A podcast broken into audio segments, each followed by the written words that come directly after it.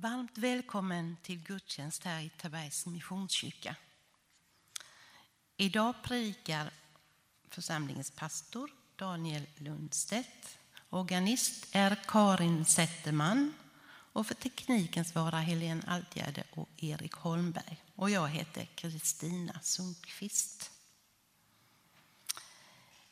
En liten pålysning bara. Församlingsdag är det ju på lördag i Mullsjö som börjar halv tio. Och nästa söndag är det installation av pastor Ulrika Johansson.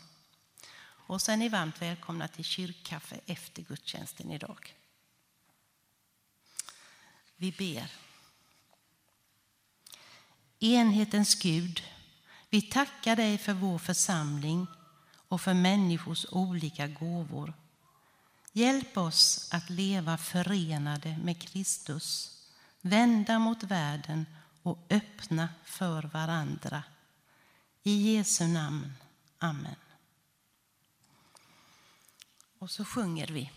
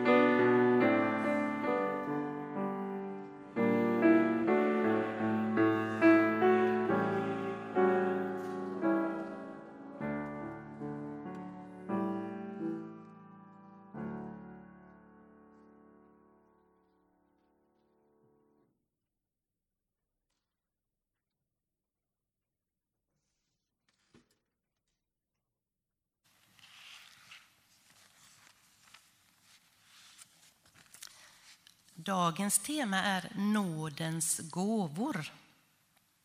Och jag ska läsa en text som du hittar i psalmboken på sidan 1644. Det är från Saltaren kapitel 28, verserna 6 till och med 9. Lovad vare Herren, ty han har hört min bön. Herren är min styrka, min sköld. På honom förtröstar jag. Jag fick hjälp och mitt hjärta jublar. Hela min varelse tackar honom. Herren är sitt folks styrka, sin smordes tillflykt och räddning. Rädda ditt folk och välsigna din egendom. Var deras herde och bär dem för evigt.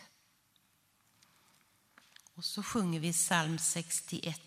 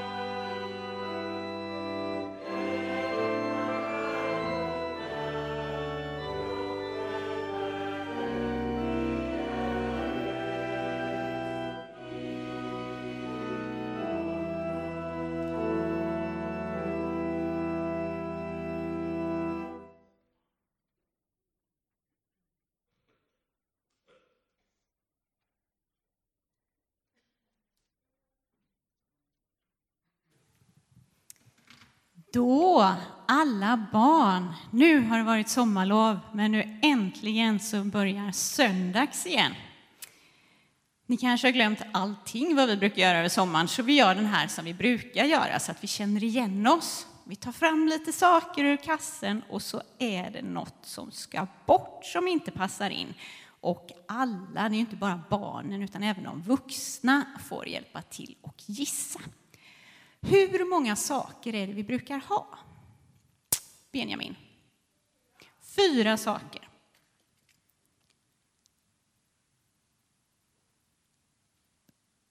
Det var tre saker i kassen. Det var inte bra.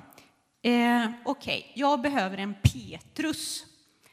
Är det någon som heter Petrus i andra namn kanske? Eller första namn eller så? Man ska inte göra någonting, man behöver bara heta Petrus. Nej, ingen heter Petrus. Är det någon som kan låtsas heta Petrus? Ja, kom Jonathan. Bra. Okej, okay, vi har en Petrus, då vet ni det. Sen har vi lite andra saker. Är det, är det några barn som vill hjälpa till att plocka upp grejerna här? Kom Benjamin. Kom, kom fram, ni som vill hjälpa till. får vi se vad vi har i kassen här. Men först har vi en Petrus, han var inte i kassen. Ska vi se här, ska du ta någonting där Benjamin? Den ja. De, de hänger ihop där, bra, ta dem. Så, så och så. Nu ska vi se vad ni har för någonting. Då har vi alltså, nu ser ni jättebra här. Här har vi Petrus. Vad har vi sen? Vad har du? En båt. En båt. Vad har du Benjamin? Jag har någon, en sån här händer när man eh, tar fast tjuvar och så en kedja. Mm. Handbojor och kedja, det känns nästan lite som fängelse tycker jag. Nu ska vi se här, vad har du då? Ja, vad är det för någonting? Okej, nu får vi faktiskt kolla här. Den har lite vingar ser det ut som. Någonting runt huvudet. Ängel. Ängel, snyggt. Okej. Petrus, båt, kedjor, ängel. Vad är det som ska bort? Alla får gissa. Upp med handen. Ja. Varför ska båten bort? För Petrus satt i fängelset ehm, och vad heter det, ja, hade handklovar så på sig och sen kom en ängel. Stämmer, det var ju helt rätt. Fantastiskt. Bra. Stor applåd. Men tack så mycket. Nu går vi till söndags. Ni kan lägga ner grejerna.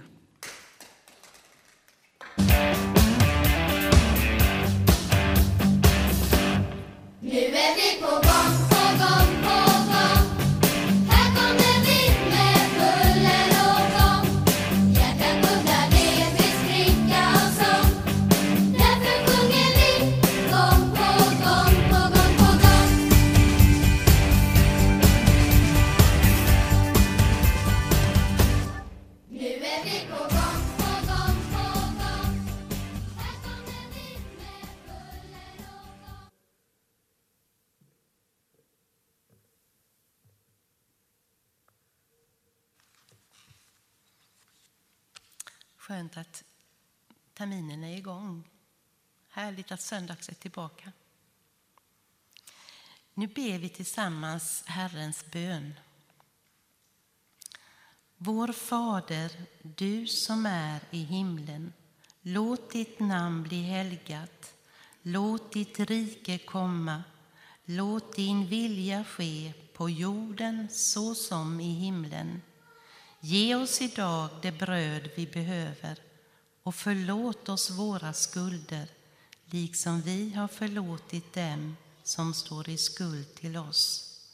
Och utsätt oss inte för prövning utan rädda oss från det onda. Ditt är riket, din är makten och äran i evighet. Amen. Så har vi möjlighet att ge. Så insamlingen sker antingen med Swish, bankgiro eller kontant när vi går ut efter gudstjänsten. Vi ber. Gud, tack för att vi får ge av det vi har till ditt verk här på jorden.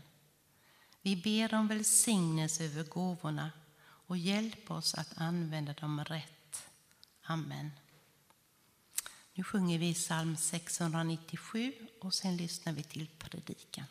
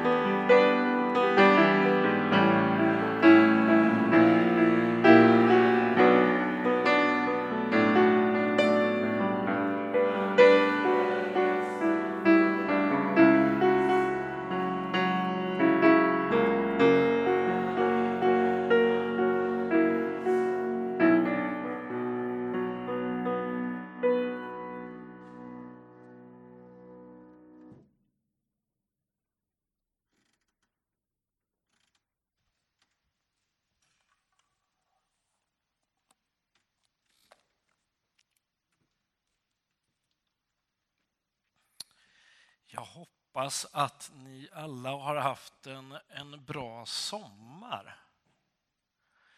Och att ni har kunnat liksom sådär, om man säger, ladda batterierna för att kunna starta en ny termin av allt vad det nu innebär. För det är ju så väldigt olika för oss vad en termin innebär.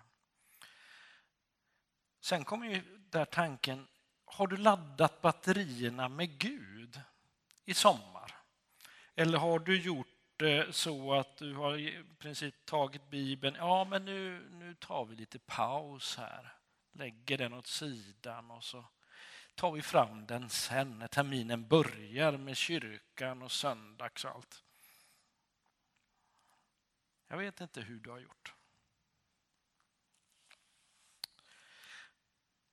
Men jag ska läsa ifrån eh, Romarbrevet kapitel 12 och eh, vers 3 till och med 8 där vi har den texten som är föreslagen för idag.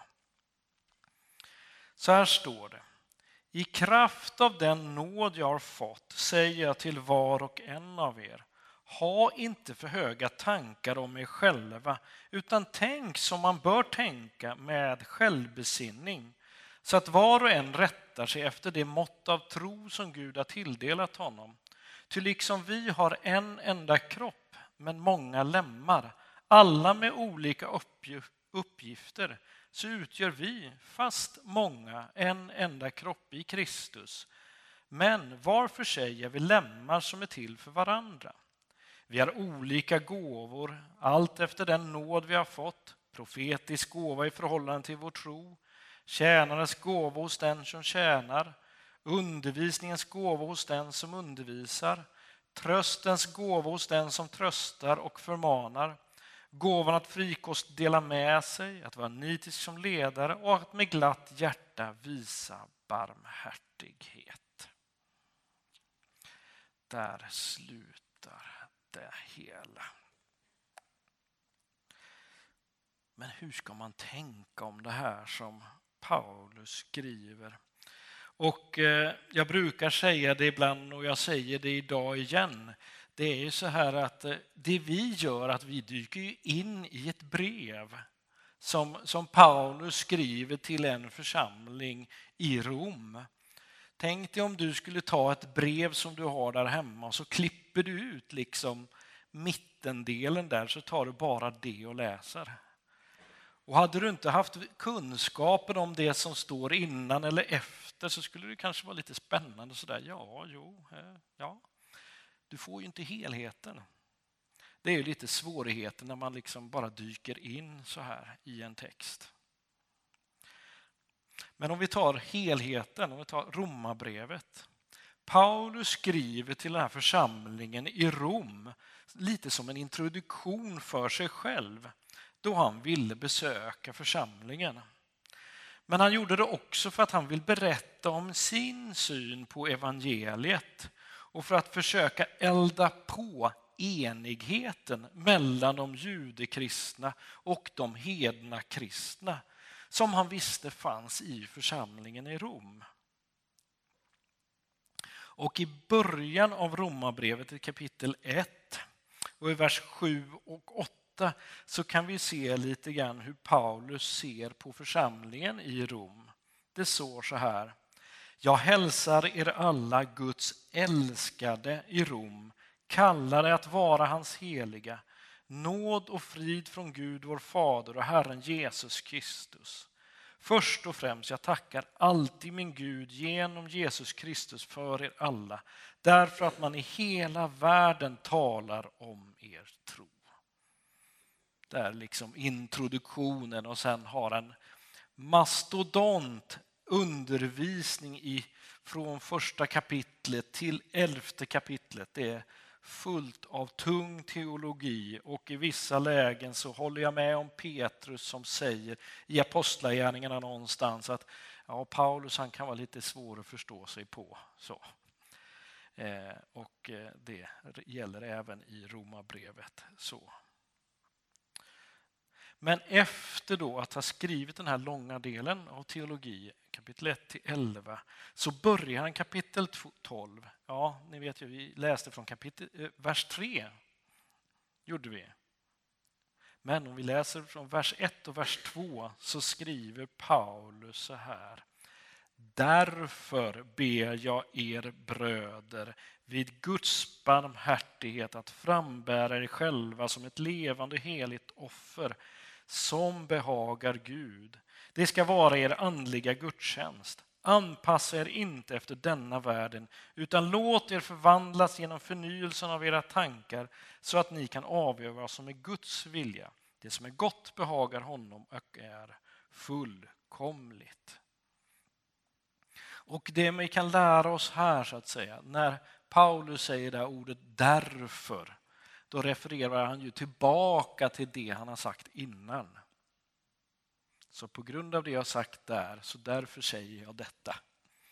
Så att om vi tittar då på vers, eh, kapitel 1 till 11 handlar väldigt mycket om teologin, om tron, hur den, ska, hur den, ja, hur den är. så kommer då vers, kapitel 12 och framåt mera, hur ska vi leva då? Så det vi kan ställa oss frågan, vad vill Paulus säga och vad kan vi föra tillbaka till oss här nu 2000 år senare? Men jag tror det är några viktiga punkter att ha med sig. Det är att var och en i Roms församling är Guds barn. Det vill han liksom poängtera. De har funnit vägen till Gud, eller man kan också se det så att de har blivit funna av Gud. Och vägen dit är ju genom tron på Jesus Kristus. Som det står i Hebreerbrevet kapitel 12 och 2 att Jesus Kristus är trons upphovsman och fullkomnare. Där är liksom tron som är grunden. Och uppmaningen som kommer i kapitel 1 om hur man ska leva utgår ifrån att man ska låta sig förvandlas av förnyelsen av sina tankar. Och frågan är varifrån kommer den förvandlingen? Jo, förvandlingen kommer eh, från Gud själv, Guds helige ande. Och I vår text handlar det sedan om att vi som församling har olika uppgifter eller gåvor utifrån vår tro eller utifrån vad vi gör eller utifrån nåd som det, som det står. Vi är olika och vi gör olika saker och det kallas Andens gåvor. Eh, I första Korintierbrevet kapitel 12, vers 7 så skriver Paulus till korintierna så här. Hos var och en framträder anden så att den blir till nytta. Så att det den heliga ande vill göra med oss är att liksom använda oss var och en med den vi är för att göra gott till människor runt omkring oss. Och Gud vill använda oss där. Sen kan man ju ställa sig frågan.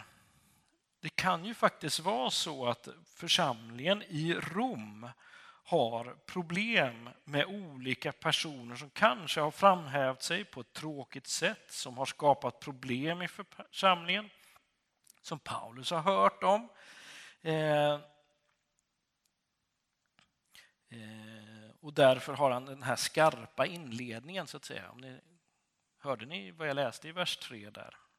Han säger ju faktiskt så här i vers 3. I kraft av den nåd jag har fått, till, fått säga till var och en av er. Sen är han lite sådär eh, lite eh, jante här nu då.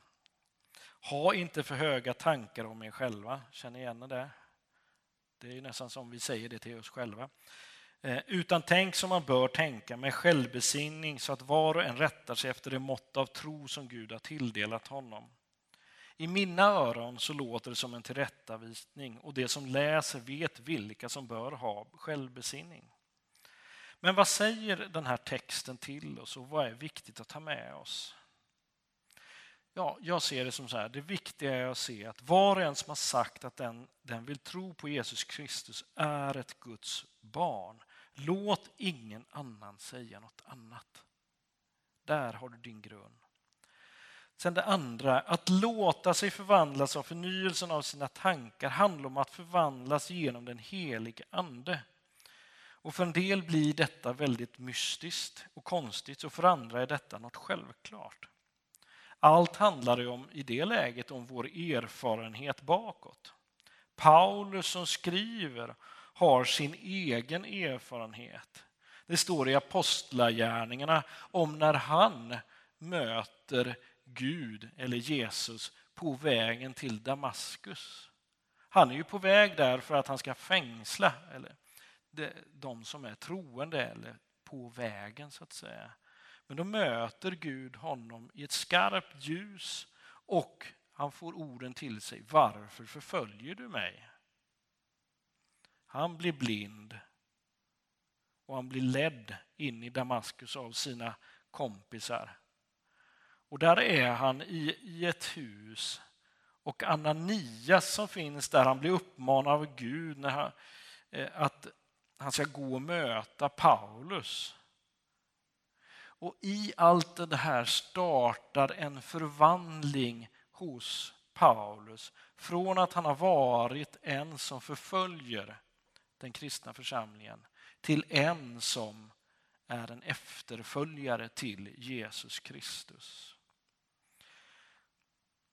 Och jag ser där på något vis, vi kan inte göra allt själva, men vi behöver Guds ingripande i våra liv för att det ska hända någonting.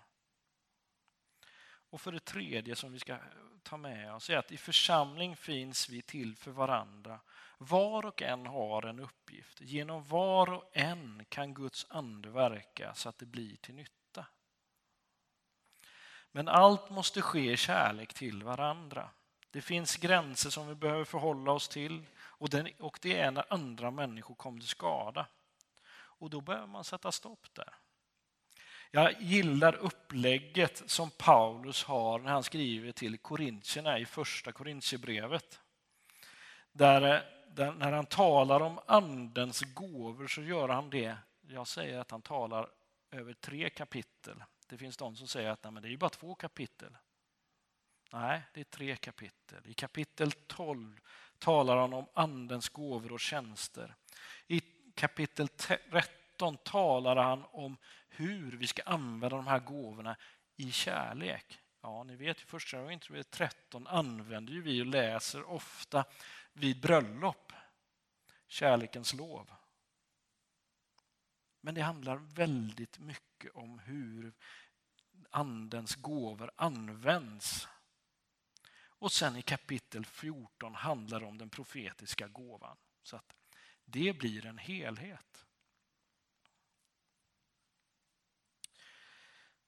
Att ta emot den heliga Ande som Jesus talar om och som lärjungarna fick erfara på den första pingsten och som Paulus har fått erfara om och talar om sker på olika sätt.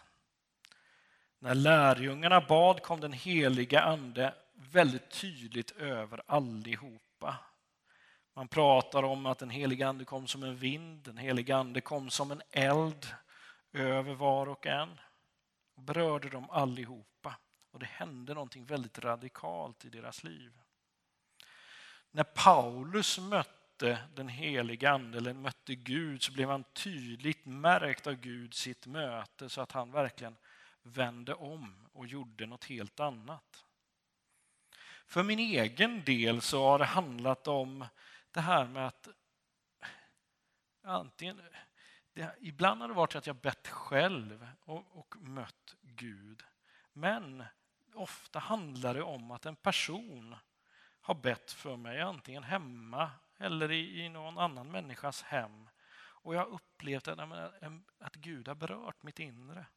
Det kan också ha varit så att det har varit i anslutning till en gudstjänst som, som jag fick möjligheten när vi, när vi firade nattvard med pastorer och diakoner i, i Göteborg här i, i onsdags. Gud möter. Gud vill möta. När jag var där på de här pastorsdagarna i Göteborg tidigare i veckan så var det väldigt bra talare. Nu skiftar jag lite fokus, men ändå inte. Och en av talarna på ett seminarium var på... Eh, han, han, höll på att forska han höll på att forska och se liksom, ja, men hur når vi människor idag och hur fungerar det hela? Hur, hur bör en församling vara uppbyggd och, och så vidare. Så, så han, han gjorde intervjuer i olika församlingar. Tänk er då en forskare, liksom, han har kommit med sitt intervjuformulär och det ska ju vara kontrollerat och ja, allting. Det så. Eh, och eh, han berättade det att han eh, skulle göra en intervju med en person i Klara kyrka och han hade såklart sina papper klara där. Den här personen som han skulle möta hade han fått veta att ja, den här personen han, har, han har ett handikapp men han kan svara på dina frågor. Det är inga problem. Och han sätter sig med honom då i ett av de här små delarna som finns i den här kyrksalen där. Och eh, han hann inte börja ställa sin första fråga innan personen säger ”Får jag be för dig?” eh, intervjuaren där, han börjar lirka på sig att okej, okay, det var inte riktigt så jag hade tänkt så här, men okej, okay, men jag började prata med honom. Kan inte vi göra så att vi ställer några frågor först och så kan vi ta bönen sen? Det kom de överens om att det gick bra. Han ställer sin första fråga igen. Personen svarar, får jag be för dig? Okej. Okay. han blir ännu mer så här obekväm och tycker, ja, men hur gör jag nu? Och han liksom rådbråkar med sig själv och så bestämmer han sig för att ja, ja, vi får väl ta detta med bönen först. Annars så kommer jag ju aldrig bli klar med mina frågor som jag har här. Och han låter personen be för honom. Och även fast han inte hade väntat detta eller liksom önskat detta, ja, det sker ett möte mellan honom och Gud där. Och som han själv säger, att jag, ja, jag bara storgrät där. Helt plötsligt. Det hände någonting i den här människans inre även fast han inte hade förväntat sig det. Ja, det kanske var så att han inte hade förväntat sig det av just den förebedjaren. Det var ju inte någon förebedjare som han hade valt om han hade fått välja.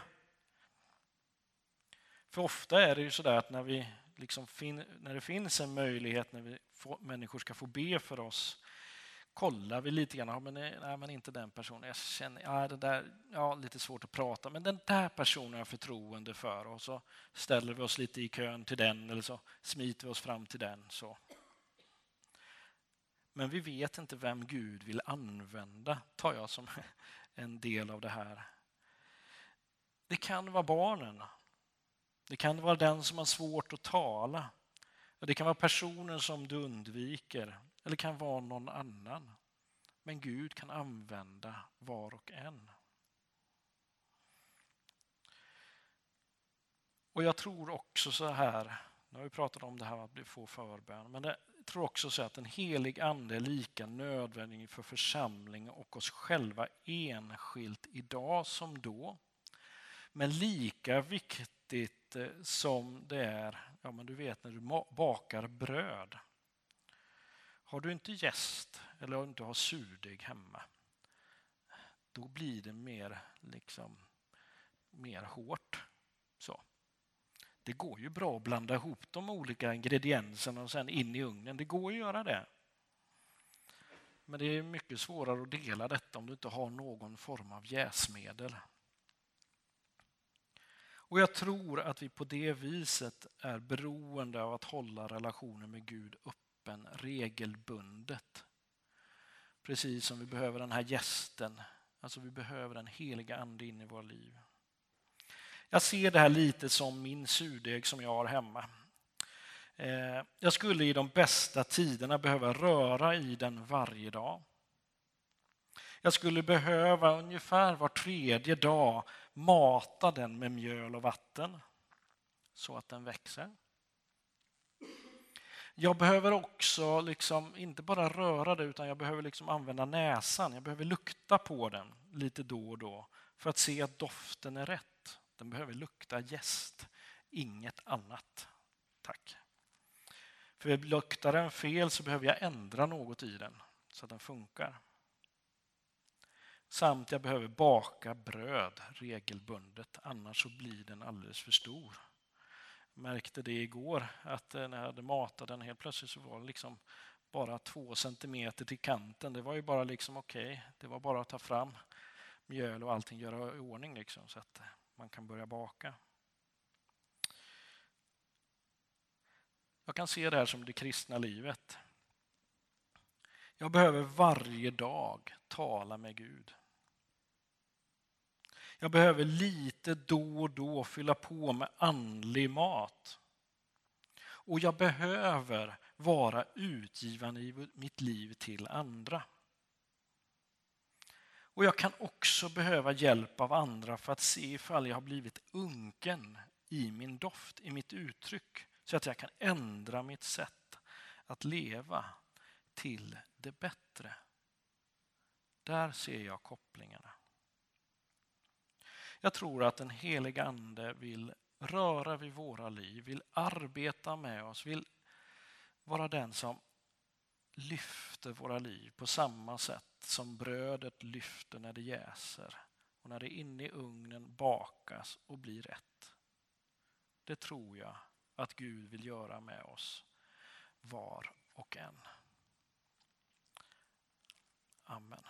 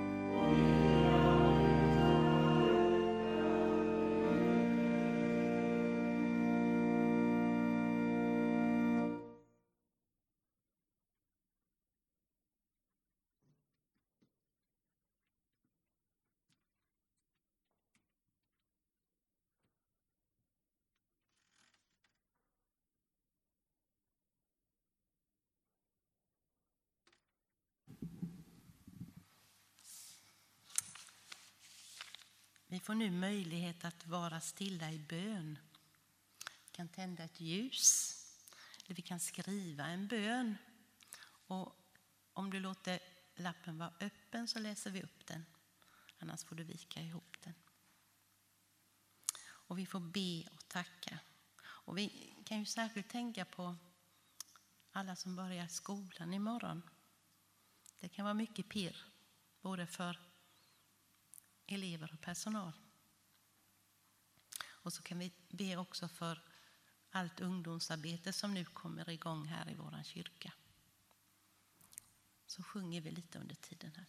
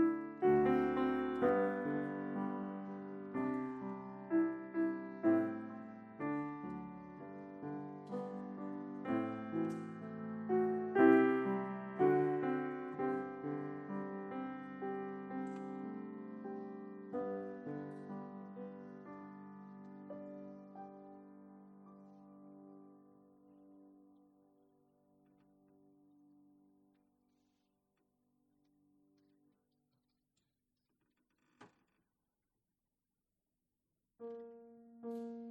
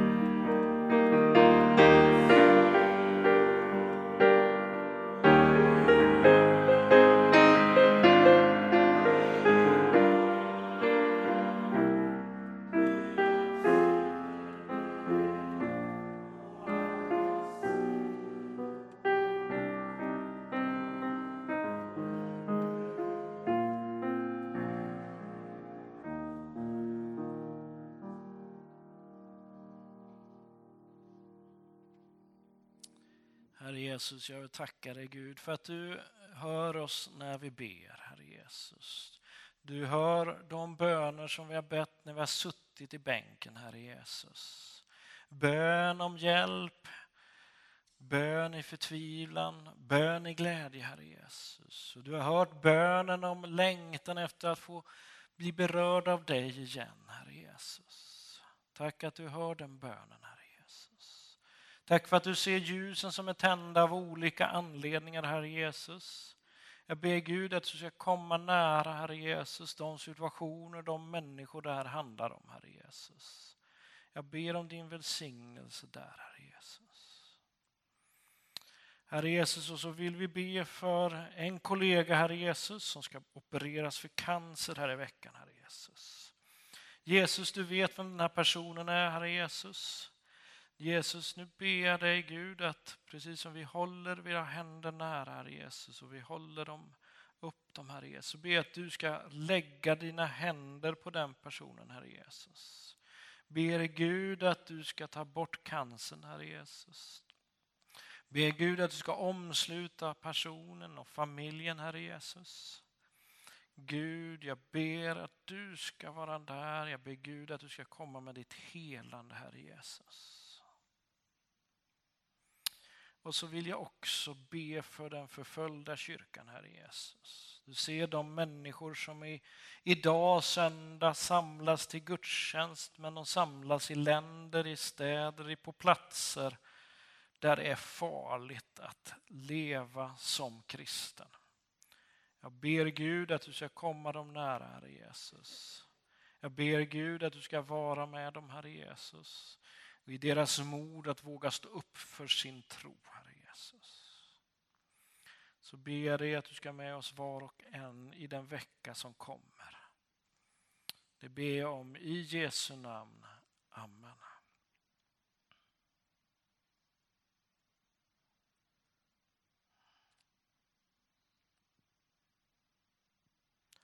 Så ta emot Herrens välsignelse.